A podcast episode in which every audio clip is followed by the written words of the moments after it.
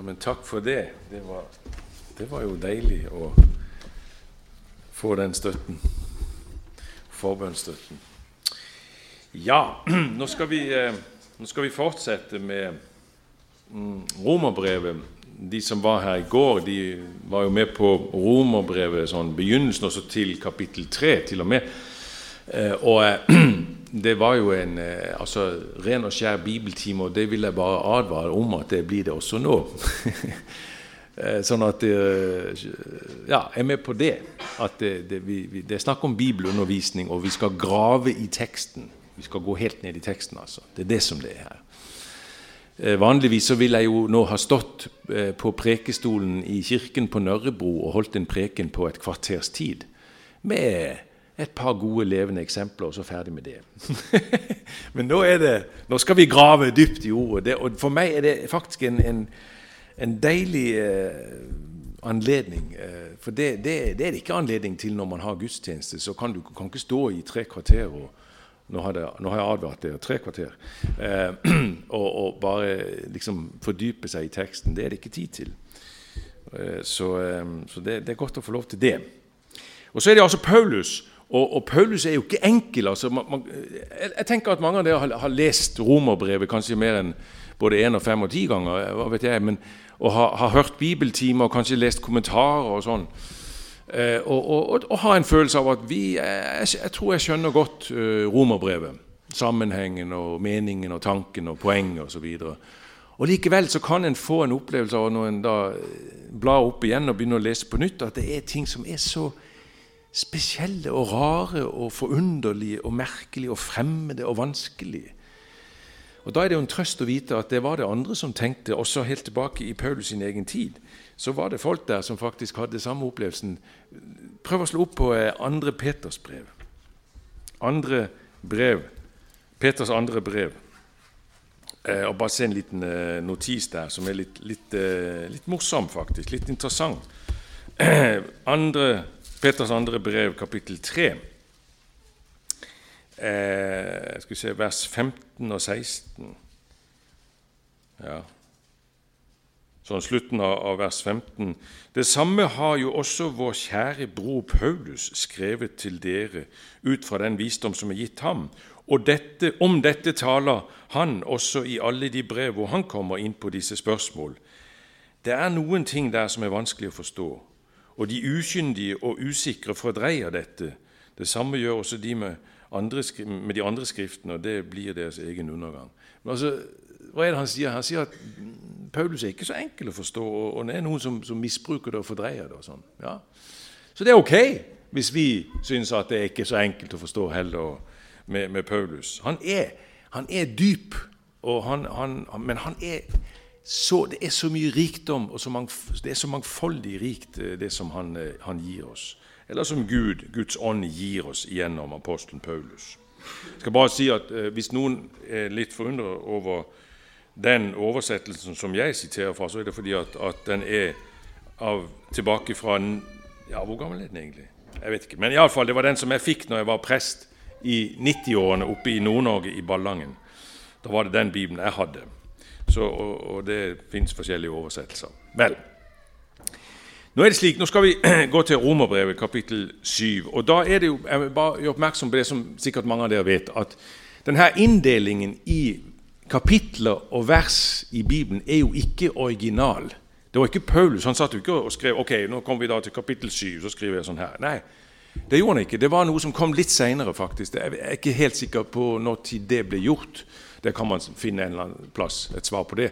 Men, men eh, det gikk noen hundre år frem i Kirkens historie før man fant det nokså praktisk å inndele i kapitler og vers. Og Det betyr jo da at Paulus har ikke eh, liksom tenkt sånn i, i i rubrikker eller hva skal vi si, i, i avsnitt.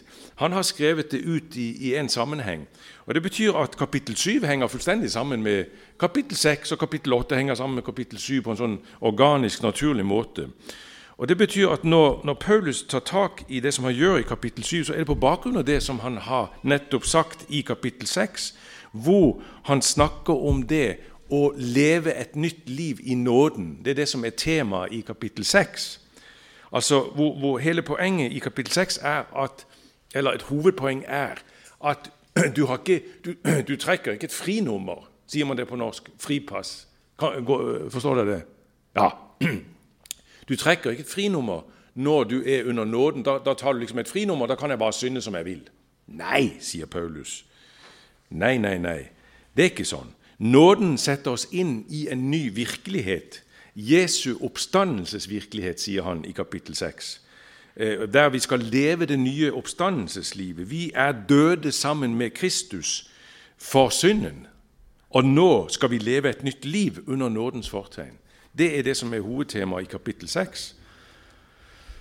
Ja, og det bruker da eh, Paulus eh, som et eh, dette med at vi skal leve det nye livet under nåden. altså Vi skal ikke leve det under loven. Det er ikke loven som gir oss energi og kraft til å kunne leve det nye livet, men det er nåden, setter han veldig tykk strek under i kapittel 6. Og så går han direkte inn i kapittel 7, eller bare videre i teksten, ikke sant? Og, og bruker det som et bilde i begynnelsen av kapittel 7, dette med loven. Og da har han, da har han et bilde der. Og det er ekteskapsbildet som han bruker her. Og han bruker det på en litt rar måte. Jeg skal ikke gå i detaljer med det, men dere kan lese det sjøl. For det bildet er litt eh, Det går faktisk litt i stykker. Men poenget er veldig klart. Det han sier, er veldig kort. Ekteskapet med den gamle lov er et veldig dårlig ekteskap. Det trenger en skilsmisse. Ja, Egentlig så er Paulus imot skilsmisse, men akkurat her er det ok med en skilsmisse. Og nå skal vi gifte oss med en annen. Nå er vi gift med en annen. Vi er gift med Kristus, som setter oss fri til å gjøre det som vi ikke var i stand til med den første ektefelle, loven. Nå er vi gift med Han Prøv å se vers 4. Nå er vi gift med Han som Han som Skal vi se eh, ja, Hvordan står det her i denne oversettelsen? Slik er det også med dere, brødre. Fordi Kristus døde, er også dere døde og står ikke under loven. Og så kommer det Dere tilhører en annen, en annen ektefelle. Han som sto opp fra de døde, og vi skal bære frukt for Gud. Eller vers 6. Prøv å se. Nå er vi løst fra loven fordi vi er døde fra loven som bandt oss. Altså, han er død. Ektefellen er død. Vi er gift med en ny. Og da tjener vi Gud i et nytt liv i ånden, og ikke som før etter bokstaven. Og så kunne Paulus for så vidt bare eh, fortsette i det sporet. Det hadde vært helt naturlig og logisk sånn tankemessig, nemlig det sporet som handler om å leve i dette nye livet der vi bærer frukt i Ånden. Eh, vi tjener Gud i et nytt liv. Men, og, Han fortsetter i det sporet, men det gjør han først i kapittel 8. og Det skal vi se på seinere. Før det har han et, et, et nokså langt innskudd hvor han tar opp en annen tråd, nemlig det her dårlige ekteskapet. Det her med, med, med loven og oss i samme ekteskap, som, som, blir et veldig dumt og dårlig og umulig ekteskap, faktisk. Og Det er et innskudd som kommer i, fra vers 7 og helt fram til og med ja, egentlig vers 25. Og, og, og Hele poenget er altså at vi at ekteskapet er dårlig fordi at eh, disse to passer veldig dårlig sammen. Vi kommer til kort sammen med loven. Men så er spørsmålet hvem sin skyld er det? Er det mannens eller kvinnens skyld? Er det lovens eller er det våres skyld? Hvor ligger hunden begravet, som de sier i Danmark? Jeg vet ikke om de har den i Norge. Er det, er det loven eller er det oss? Prøv å se vers 7. Hva skal vi så si? Er loven synd? Altså Her stiller han spørsmål er det loven som er problemet. Er det, er det mannen som er problemet i ektefelle, hvis vi sier at loven er mannen? Og Det er jo et veldig, altså det er et veldig nærliggende spørsmål, veldig logisk å stille det spørsmålet etter det som han har sagt i begynnelsen der. Men svaret kommer jo like etter. Han sier slett ikke. altså. Hva skal vi si er lovens synd? Slett ikke. Det var det som, Husker dere det i går? Han kom med det der med genoito, som det heter på, på gresk. Han, det han bruker det ofte, det her. Slettes ikke. Aldeles ikke.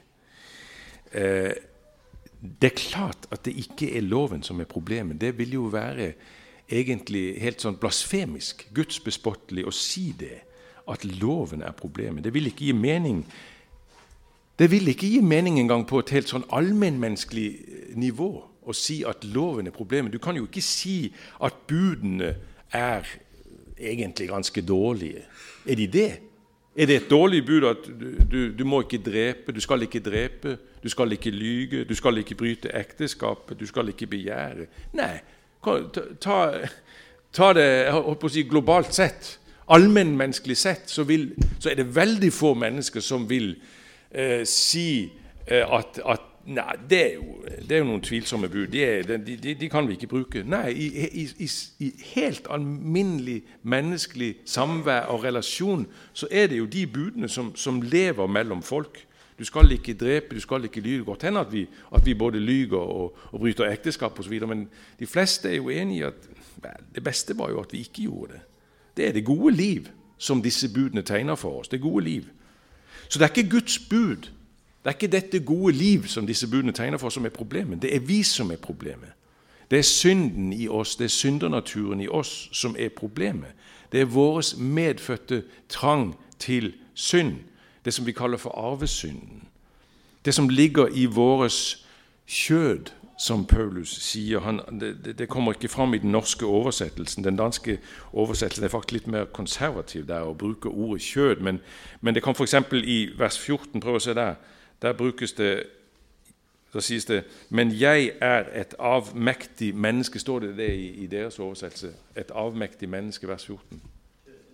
Eh, ja vel. Interessant. Ja, men Det er bra. Det er, mer, det er faktisk mer presis. Det som er det greske ordet, det er 'saks'. Og Det betyr sånn helt bokstavelig 'kjødet'. Eh, så, så, Min oversettelse sier 'avmektige mennesker', og deres er mer presise, mer danske.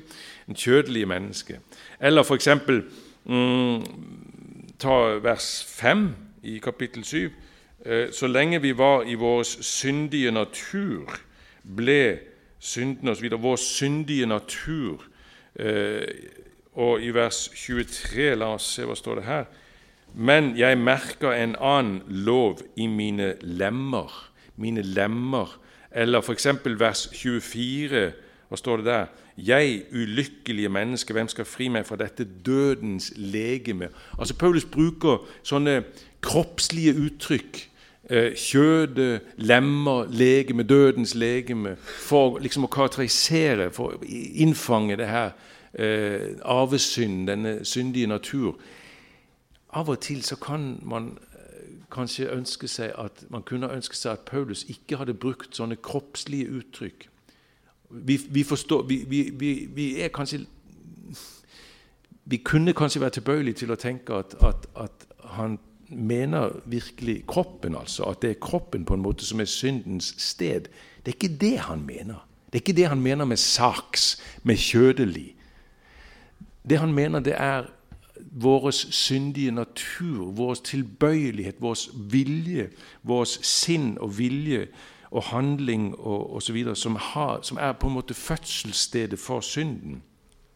Når jeg sier at man kunne ha ønsket seg at, han, at Paulus kanskje kunne ha, ha, brukt noen andre hva skal vi si, metaforer eller bilder enn disse kroppslige, så er det fordi at det veldig fort har blitt slik, både i ikke-kristnes oppfattelse, men delvis også i kristnes oppfattelse, at, at det er nok slik at kroppen på en måte er syndens fødested. Men det er ikke det han mener, altså.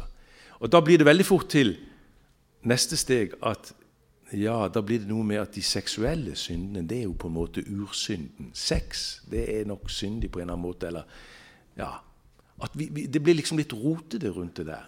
Det er ikke det Paulus sier. altså. Det er ikke det han sier. Det er ikke det han mener når han bruker ordet saks eller legeme eller dødelig legeme eller lemmer. eller Det her. Det han mener, det han snakker om, det er det innerste i oss, denne, denne arvesyndens, natur, naturens tilbøyelighet til synd. Det er dette kjødet som jeg er født med. I motsetning til hva? I motsetning til Ånden. Ånden som er det nye jeg, som skapes ved den nye fødsel. Som da jeg ble ført sammen med Kristus, som jeg jo ble i dåpen. Det er jo det han sier i kapittel 6, i begynnelsen av kapittel 6, hvor han har et utrolig sterkt dåpsutsagn. Eh, som er et veldig sterkt argument faktisk for barnedåp, og ikke bare voksendåp. Eh, her er det virkelig snakk om, om at vi, vi, fødes på ny og føres sammen med Kristus i dåpen. Og her, her, er det altså at Ånden blir motsetningen til kjødet. Dette nye, mitt nye jeg. Og det altså Kort sagt, det er synden som gjør at det blir feil med loven, at ekteskapet ikke fungerer. Så sier Paulus noe merkelig i vers 9 i kapittel 7. Han sier, 'Jeg levde en gang uten lov.' Da budet kom, fikk synden liv. Er ikke det rart at han sier det? Jeg levde en gang uten lov. Ja, men det kan jo ikke stemme. Paulus, han som var eh, fariseer han som husker det, han, Når han i Filipperbrevet beskriver sin kapittel kan ta det fort, kapittel 3 i Filipperbrevet eh, Kapittel 3, Filippene eh, 3, 5 og 6. Jeg er omskåret på den åttende dag, en er av Israels folk og Benjamins stamme, en hebreer født av hebreer, en faiserer i forhold til loven, så brennende i min iver at jeg forfulgte Kirken uklanderlig i min, i min rettferdighet etter loven. Så sier han jeg levde en gang uten lov. Det kan jo ikke stemme. Han har jo vokst opp med loven, jøde og til og med en, en, en velutdannet fariseer. Det som han mener, er at han levde ut, utvendig med loven. På en måte utvendig. Han hadde ikke oppdaget lovens innerste mening. Han hadde ikke oppdaget det som loven dreier seg om, nemlig begjæret, hjertet, så å si. Det var ikke fordi han ikke kjente det niende og det tiende bud, du skal ikke begjære din nestes hus og hustru osv. Men, men han hadde ikke skjønt at det innerste i loven dreier seg om hjertet. Det er det som Jesus snakker om også i, i Matteus eh, kapittel 23. La oss bare lese det. Kapittel 23 Matteus, eh, vers 28, eh, der Jesus sier sånn her Slik er det også med dere Og han sier det jo til de skriftkloke og fariseerne. Slik er det også med dere i det ytre. Det som folk ser, er dere rettskafne, men i det indre er dere fulle fulle av hykleri og urett. Og Det er det, det, som er poenget her. Det her dreier seg om forskjellen mellom å, å, å, på det å leve etter regler og lover og adlyde dem av ren og skjær plikt eller kanskje frykt, og så å adlyde lover og regler av hjertet, fordi man innser dypt i hjertet at det er det eneste riktige. Det, er det som er livet. Det er sånn som når, når jeg har konfirmanter. En sånn ny konfirmantklasse på 20 syvendeklassinger der, og så, så, står jeg der og så, så, stiller jeg opp noen regler for dem til å begynne med. I første time så sier jeg at eh, en, en, av mine regler er jo at når jeg underviser, så skal det være totalt stille. Og så og så kan det jo være to måter for dem å, å, å på en måte møte den regelen på. Den ene er at de adlyder det, for det har jeg sagt, at sånn er det. Og hvis ikke dere holder det, så er det bare ut. ikke sant? Alt sånn sier jeg. Eh, men jeg har nå aldri behov for det. Men, men, men, eh, og de adlyder kanskje av frykt også, for det, hvis, hvis, ikke de adlyder mine regler og begynner å snakke, da blir jeg sint eller et eller annet. Det er den ene måten å forholde seg til den regelen på. Den andre måten er at de ikke engang tenker på det fordi at, når, at jeg, hvis jeg er heldig, står og underviser og forteller, og, og, og, det er så intenst og spennende at ingen har lyst til å si ett ord. Alle er totalt med. Og ingen tenker på at de, at de sitter der og, og, skal ikke bryte en regel. Nei, de er bare med. Og de er eh, Hvis de brøt regelen om å, å tie stille når jeg underviser, da, da, ville det være mye mer enn bruddet på en regel. Det ville være mye mer enn en illojalitet. Det ville være å, å bryte med, med noe som, som, de, som, vil gjøre at de ikke lenger var delaktige i noe veldig, veldig viktig. Så det er forskjellen. Fariseerens lovlydighet er en pliktlydighet, en autoritetslydighet, som ennå ikke har skjønt omfanget av budene, av budenes egentlige mening, nemlig det som budene går ut på. Hva? Jo, det skjønneste liv, det beste liv, det vakreste liv, det mest riktige, det mest rettferdige liv. Sånn som Jesus sammenfatter det når han sier når han sammenfatter alle budene i, i, to bud. Elsk Herren din Gud og hele ditt hjerte og sinn og sjel, og elsk de neste som deg selv. Altså, kort sagt, kjærlighet. Dette nedslitte, klisjéfylte ord, kjærlighet, som, uansett hvor klisjéfylt det er, så er det totalt uunnværlig for alle mennesker på denne jord. Det er fullstendig uunnværlig hvis du vil eh, kunne eksistere som menneske og oppleve kjærlighet og samhørighet og fellesskap og følelsen av å høre til, følelsen av å være hjemme i ditt liv Å være til stede i tilværelsen. Kjærlighet. Og det er det som er på spill. Det er det som det dreier seg om i disse budene. Og det er det som som, som eh, Paulus skildrer i, i vers 7 til og med vers 13. Det er det som skjer når pliktlydigheten mot budene, denne utvendige lydighet, blir truffet av meningen, den dype mening med Guds bud. Da går selv den peneste fasade i stykker. Og man oppdager at man har ikke holdt disse budene eh, i deres innerste mening. Men man, man, har bare holdt dem for å holde en pen fasade. Man har ikke holdt dem fordi at det her er totalt viktig. Det her, alt er på spill, på en måte. Eh, Børre Knutsen han, eh, han, ble intervjuet for en del år siden av VG, og der sa han noe utrolig bra. Han har sagt så mye bra. Han er en av mine livshelter, kan jeg godt tilstå. Eh, prøv å se, Vi kan få det opp som et sitat. Nå er det på dansk, jeg beklager. det, Egentlig var det jo, skulle være norsk når det var VG, men jeg oversatte til dansk, og har ikke funnet det frem igjen på norsk. Men det, jeg tror dere skjønner. Dansk er veldig lett å lese. Moral er utmerket, men kristendom er noe helt annet. Når du møter Jesus, bryter hele din moralske fasade sammen. Du har måske, kanskje levd et perfekt liv. Men det holder ikke i møte med hans klare blikk. Du blir avslørt som en selvgod moralsk egoist. Apostelen Paulus var et av de mest moralske mennesker som har levd. Men etter omvendelsen ser han tilbake på sitt gamle lovlydige liv og sier 'jeg vurderer det som dritt'. Han som var et moralsk forbilde for andre, sier ærlig og oppriktig 'jeg er den største av alle syndere'. Slik blir det når kristendommen bryter inn i vårt liv. Da får vi alle sammen bruk for én ting tilgivelse. Um, det er akkurat det er presis det som det det, han, han, siterer jo Paulus. fordi når, når, Paulus skildrer det her, i, som jeg siterte fra før i Filipperbrevet, om sin jødiske, si, hans, hans, jødiske fortrinn og hele det her rettferdige livet, lovlydige fariserlivet, så, så sier han jo sånn her, etter å ha sagt det her, så, så, så Filipperne 3,7.: Men det som før var en vinning for meg, ser jeg nå som et tap på grunn av Kristus. Ja, jeg regner alt som tap, fordi det å kjenne Kristus Jesus, min Herre, er så mye mer verd, osv. Og, og så sier han, jeg ser det som skrap.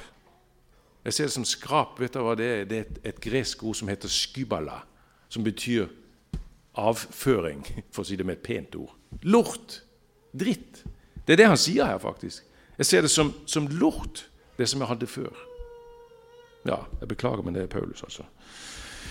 Eh, det er det som han kaller for i, i, Tilbake til Romerne 7. Eh, han sier i, i, vers 5 snakker han om lidenskapene.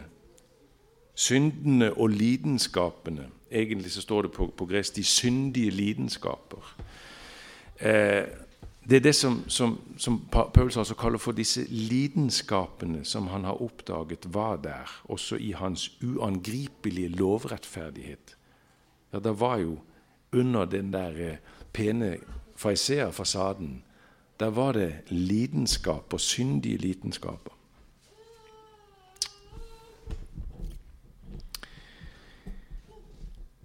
Jeg vet ikke om du kjenner det her igjen. Det tror jeg du gjør. Det, gjør, det tror jeg de fleste gjør her inne. Du kjenner det her igjen bak din pene fasade. Den der fornemmelsen av at, at folk kanskje tror om deg at ja, du er et pent kristen menneske. Det er det de ser. Men, tenker du av og til, de skulle bare vite. Kunne de se inn bak min fasade, så vil de oppdage at det er så tynt som papir. Folk skulle bare vite, dine kristne venner skulle bare vite hvor vilt det brenner inne bak fasaden. Hvor mye du har av hat i deg. Hvor mye forakt du har. Hvor mye du ser ned på folk, hvor mye du misunner, lyver og banner i ditt stille sinn. Hvor mye du begjærer og bruker albuen for å komme frem. Hvor mye du brenner etter å få alles beundring. Hvor lite du bryr deg om Gud når alt kommer til alt. Hvor lite du bryr deg om noe annet enn deg selv. Jeg vet ikke om du, du kjenner det her. Det tror jeg du gjør. Den der følelsen som kan gripe en av og til, av at alt er jo bare sånn et, en veldig tynn, tynn fasade foran noe som er bare så, så, så mørkt. Hva er det som skjer når vi får den der opplevelsen? Det er dette som Paulus beskriver her, at vi blir truffet rett i midt i blinken av budet. Du er truffet av loven. Loven rammer deg. Eller som Paulus sier i vers 9.: Budet kom. Da budet kom, fikk synden liv. Da budet kom, fikk synden liv. Og så står det vers 10.: Men jeg døde. Jeg døde. Altså, du, du, du kan få det slik at du holder på å dø. Guds ånd er på ferde i det her, skal jeg hilse å si. Guds ånd holder simpelthen på å slå deg i hjel med Guds lov. Det er det som Paulus eh, sier på en litt annen måte i Galaterbrevet, hvor veldig mye av, av de temaer som fins i Romerbrevet, fins også i Galaterbrevet. Eh, Galaterbrevet kapittel 2 vers 19, der han sier det slik Galatene 2, 19. Nettopp loven har ført til Nettopp loven har ført til at jeg er død for loven og lever for Gud. Nettopp loven har ført til at jeg er død for loven. Det er loven som har slått meg i hjel. Så, så, hva er det som skjer når vi, når vi, får denne utrolig skarpe, ubehagelig skarpe innsikt i oss selv? Denne følelsen av at alt er bare pen fasade, og inne bak det er det bare brennende lidenskap, brennende lidenskapelig synd. Det, er, det som skjer der, det er det at Ånden holder på med noe veldig viktig. Han holder på å dra av deg klærne, dra av deg dine gamle klær. Og det er et arbeid som Ånden holder på med hele livet. Du blir faktisk aldri ferdig med det.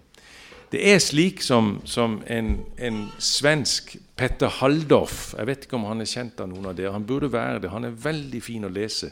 Det som er litt rart Ja, Unnskyld, jeg sier det hvis noen er pinsefolk her, men det er at han er pinsemann. Han er pinseprest.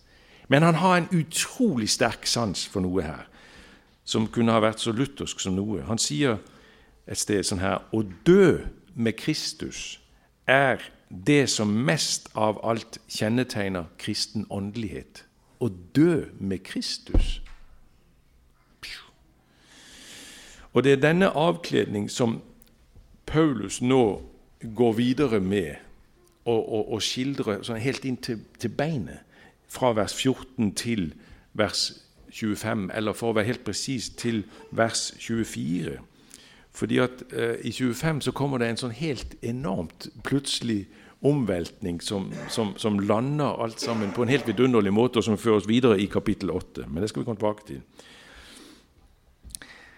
Det er ingen steder i hele Bibelen det tror jeg mange her vet, det er ingen steder i hele Bibelen hvor, eh, vi får så sterke ord om syndens virkelighet og radikalitet som i akkurat disse versene, fra vers 14 til og med 24. Det er så, faktisk så radikalt at mange teologer, mange bibeltolkere, mange bibelforskere eh, har problemer med det her, med denne teksten. De sier at eh, det her kan ikke være det kan ikke være kristne, altså det kan ikke være Paulus som beskriver sin kristne tilstand. Det går ikke an. Det er for radikalt. Det må være Paulus som beskriver en, en sånn førkristen tilstand når han beskriver det her, syndens virkelighet og radikalitet i vers 14-24. Det må handle om den førkristne Paulus, eller alle, alle, men alle førkristne, på en måte. Problemet er at den fortolkningen kommer utrolig dårlig overens med teksten. Rent språklig så gir faktisk, det gir ikke mening å si det. Og hele sammenhengen eh, legger opp til noe annet også. Og jeg har bare lyst til å si Guds skje lov for det. For det er jo oss, det her, som han beskriver i vers 14-24. Vi kjenner oss igjen i det her. Les vers 15. Dere kjenner det. For jeg skjønner ikke hva jeg selv gjør. Det jeg vil, gjør jeg ikke, og det jeg avskyr, det gjør jeg. Eller vers 19. Det gode som jeg vil, gjør jeg ikke, og det onde som ikke vil, det gjør jeg. Er det her ukjent for kristne? Nei, det er det ikke. Det er akkurat slik vi av og til ser oss selv. I disse klare øyeblikk der vi ser inn bak fasaden, der ser vi noe der inne som vi føler et veldig stort ubehag med å se. Det stemmer så utrolig dårlig med det at vi skulle være kristne. Vi skulle være fine kristne, gode kristne, Guds barn osv. Og, og så ser vi det der. Jeg skjønner ikke hva jeg selv gjør, som Paulus sier i vers 15. Jeg skjønner ikke hva jeg selv gjør. Og så er det nesten, som en, det er nesten oppbyggelig. Det er faktisk en trøst at Paulus, apostelen Paulus kan si det. Jeg skjønner ikke hva jeg gjør. Ja, Da kan vi andre jo kanskje også si det. Jeg skjønner ikke hva jeg gjør. Jeg skulle være kristen, og så gjør jeg det som jeg gjør. Den store apostel, martyr, evangelist, misjonær Paulus, han sier 'jeg skjønner ikke hva jeg gjør'. Da er det vel ok at vi andre heller ikke alltid skjønner hva vi gjør. Og så, Når man leser litt videre der, eh, i vers 17 f.eks., så kan man nesten bli schizofren. Med mindre man holder tungen rett i munnen, og det skal man gjøre. Men prøv å se vers 17, så står det sånn her så, så er det i virkeligheten ikke jeg som gjør det, men synden som bor i meg. Eller vers 20, da blir det nesten enda verre. Men gjør jeg det jeg ikke vil, er det ikke jeg som gjør det, men synden som bor i meg. Det er nesten schizofrent. Hvem er jeg? Hvem er jeg i, i det her? Det er litt sånn som en borgerkrig. En borgerkrig hvor du har Du har jo for så vidt bare ett land, ett folk, én nasjon. Men det er en dyp konflikt som har ført til krig i, ene, i denne ene nasjonen. Slik kan altså også en kristen oppleve det. Som at det er meg, alt sammen. Jeg er én sammen. Jeg er ikke, ikke schizofren, altså. Men det er en krig i meg. Også ikke-kristne kan oppleve moralsk konflikt. Det, det, det vet vi jo. Ikke-kristne kan også oppleve moralsk konflikt, en slags krig inni seg. Men saken er at en, en, kristen vil kunne oppleve det på et mye dypere plan. Nesten som to virkeligheter, som to naturer i en og samme person. Det er litt sånn som når en kriminell, en, en, la oss si en, morder, eh, som, som, som, ja, som, blir tatt, og som står der i, i under, i rettssaken osv. Og, og, så, og så sier han en, en, jeg, var, jeg, var, ikke meg selv da jeg slo, slo henne i hjel. Altså, det, det, var ikke meg som gjorde det. var ikke meg selv. Det er omtrent det som Paulus sier her. Jeg er ikke meg selv, sier han, når jeg gjør det onde som jeg ikke vil, og når jeg ikke gjør det gode som jeg gjerne vil. Da er jeg ikke meg selv. Jeg er ikke mitt sanne jeg. Jeg er ikke mitt nye jeg. Jeg er ikke mitt egentlige jeg. Jeg er ikke mitt Kristus-jeg når jeg synder. Det er ikke den gjenfødte Paulus som synder. Det er den gamle. Prøv å se vers 18, begynnelsen av vers 18. For jeg vet at i meg, vil si slik jeg er i meg selv, bor det ikke noe godt. Det, det står egentlig på gresk ikke slik jeg er i meg selv, men det står i mitt kjød bor det ikke noe godt. Det er det han sier. Altså, han sier jeg vet at i meg, dvs. Si i mitt kjød, i mitt saks, bor det ikke noe godt. Poenget er altså at, at det fins et annet jeg, et egentlig jeg, et sannere jeg i meg nå, etter at jeg har blitt kristen. Nemlig det jeg som vil det gode. Prøv å se vers 22. Mitt indre menneske sier med glede ja til Guds lov. Mitt indre menneske. Sånn kan han si det. Mitt indre menneske. Eller f.eks. vers 23. Men jeg merker en annen lov i mine lemmer. Den kjemper mot loven i mitt sinn. Loven i mitt sinn.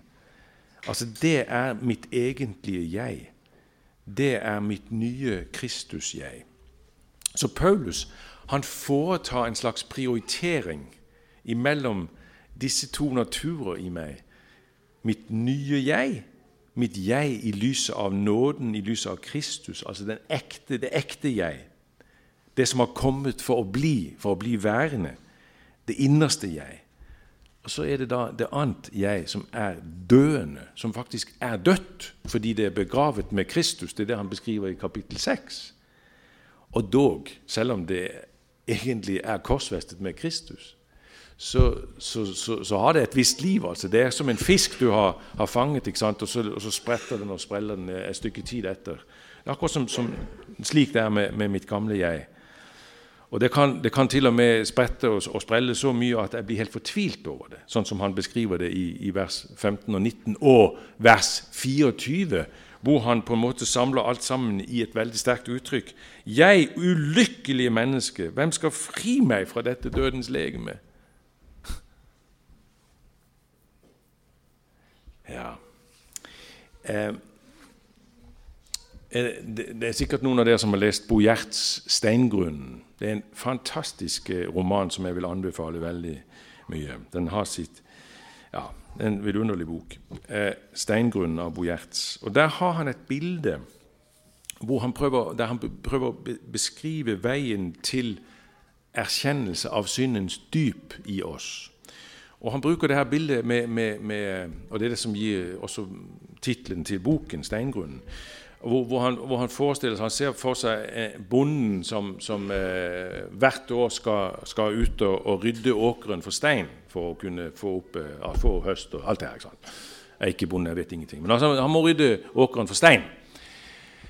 Man gjør det til og med i Danmark, selv om vi ikke har så mye klippe og, og fjell. Vi har faktisk ingen klippe og fjell, men, men det, faktisk kommer det jo stein opp hvert år. Så du ser bonden komme kjørende med traktoren og, og et, et, enormt lass eh, etterpå med, med stein. og så blir det lagt en eller annen plass. Så, men så, det, så tenker Bo Gjert seg en bonde som beslutter seg for at nå vil jeg rydde min åker fullstendig for stein, så jeg aldri mer skal kjøre ut og, og hente opp stein. Jeg orker ikke det her hvert år. Jeg er lei av det.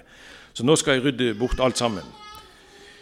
Og Bonden han går i gang, og han, han, han tar tak i det her og, og, rydder og rydder. og Han kommer langt ned, og han rydder, og det, blir, liksom, det, det er bare stein. og det blir og til sist så kommer han helt ned til steingrunnen, til klippegrunnen, som jo er det store fjellet, som han ikke kan rydde bort i det hele tatt. Det store urfjell.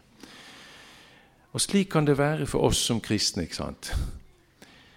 At vi kan få den tanken at nå, nå, nå vil jeg rydde opp. altså Jeg er lutlei av syndene mine. Nå skal jeg rydde opp. Nå skal jeg ta tak i det. altså Nå skal det være ferdig. Slutt med det med en gang for alle. Og man tar tak i det. Og til sist så treffer man urfjellet og fortvilelsen. Hvem skal fri meg fra dette dødens legeme? Blir jeg aldri bedre? Uh, jeg, jeg, føler meg ikke eldgammel, men jeg er eldre enn da jeg var 20 og 30 og 40. Så, så mye kan jeg si.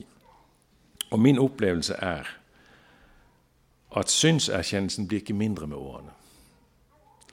Den forandres, og den stikker dypere. Det fins seier over synden gjennom årene, ting som en får bukt med. Det gjør det. Men nye stein dukker opp lenger nede. Eh, og, og, til og med så, så, har jeg en opplevelse av at eh, ting som jeg kanskje før i tida opplevde som på en måte min gode vilje og, og god innsats fra min side, og, og, ja, noe som var fint, faktisk. Til og med så kan jeg få en opplevelse, en veldig ubehagelig opplevelse av at også der har det hele tiden faktisk vært i grunn og bunn eh, en veldig stor egoisme til stede. En selvopptatthet også der, i det som var liksom kanskje min, min, min, min bedre halvdel. også der har det vært veldig mye selvopptatthet, fra ytterst til innerst. Og, og, og, du kan faktisk begynne å tvile på selv dine aller fineste hensikter og handlinger. Og få på følelsen at alt er totalt infiltrert i synd, i selvopptatthet, i forfengelighet. Ja. Og da er det helt fantastisk å lese hvordan Paulus på en måte bare bryter av her, vers 24. 'Jeg, ulykkelig menneske, hvem skal fri meg fra dette dødens legeme?' Altså, det er en så en enormt pessimistisk konklusjon. Og så kommer det bare fullstendig sånn, helt uten mellomregning, bare sånn plutselig vers 25. Gud være takk for Jesus Kristus. Og, og, så går han videre der med det i, i kapittel 8. Så er det da ingen fordømmelse for dem som er i Kristus Jesus. Halleluja! altså totalt sånn uten, he, uten noen overgang, på en måte. Det er så radikalt. Det er en enormt radikal forståelse av nåden som kommer her på en veldig radikal forståelse av hva synden er. Nåden blir enorm. Paulus lar ikke, lar ikke nåden komme i sånne små anretninger, små, pene porsjoner her. Nei, den kommer totalt. Du er nede ved urfjellet i vers 24. Hvem skal flytte hele det her fjellet? Gud sier takk for Jesus Kristus. Halleluja. Nåden venter ikke på at jeg har kommet litt lenger frem i prosessen og liksom har fått, tatt, i fall fått, gjort noe med, med all denne synden. Nei, den omfatter meg totalt her og nå. Alt blir Midt i avsløringens time så blir, kommer alt på plass. Jeg er frelst, jeg er rettferdig mens jeg er en synder. Ikke først når jeg har, fått, ikke først når jeg har kommet et stykke vei med det her. Ikke etter at jeg, ikke, og heller ikke slik at når jeg har fått denne inngangsbilletten, nådebilletten, gratis, ja, men da må, jeg, da må man forvente at jeg presterer en del. Eh, for ellers så, så er det ingen nåde lenger. Nei, midt i den dypeste synserkjennelsen som kristen, da får jeg lov å høre du er rettferdig. Du erklæres rettferdig i Kristus. Det er det som, Paulus, som, som Luther eh, hadde det her uttrykket med. Han sa 'simul justus et peccator' som betyr på en og samme tid rettferdig og synder. Det var ganske radikalt i hans katolske samtid å kunne si det. For man, der, tenkte man mye mer nåden som en slags prosess, en utviklingshistorie. Men, men, for Luther var det et enormt viktig poeng. Du er på en og samme tid fullstendig rettferdig og fullstendig synder. Og jeg, eh, Kanskje noen av dere husket at jeg, vi kan få det sitatet. Eh, at jeg leste det her veldig veldig dristige og utrolig frigjørende som han kunne skrive til hans gode venn og medarbeider Melanchthon i et brev. Melanchthon som var så anfektet i kampen mot synden. Og så sier Luther til ham så synd freidig, men tro og gled deg enda mer freidig i Kristus, for Han er seierrik over synd og død og verden. Så lenge vi er her, så kan vi ikke unngå å synde.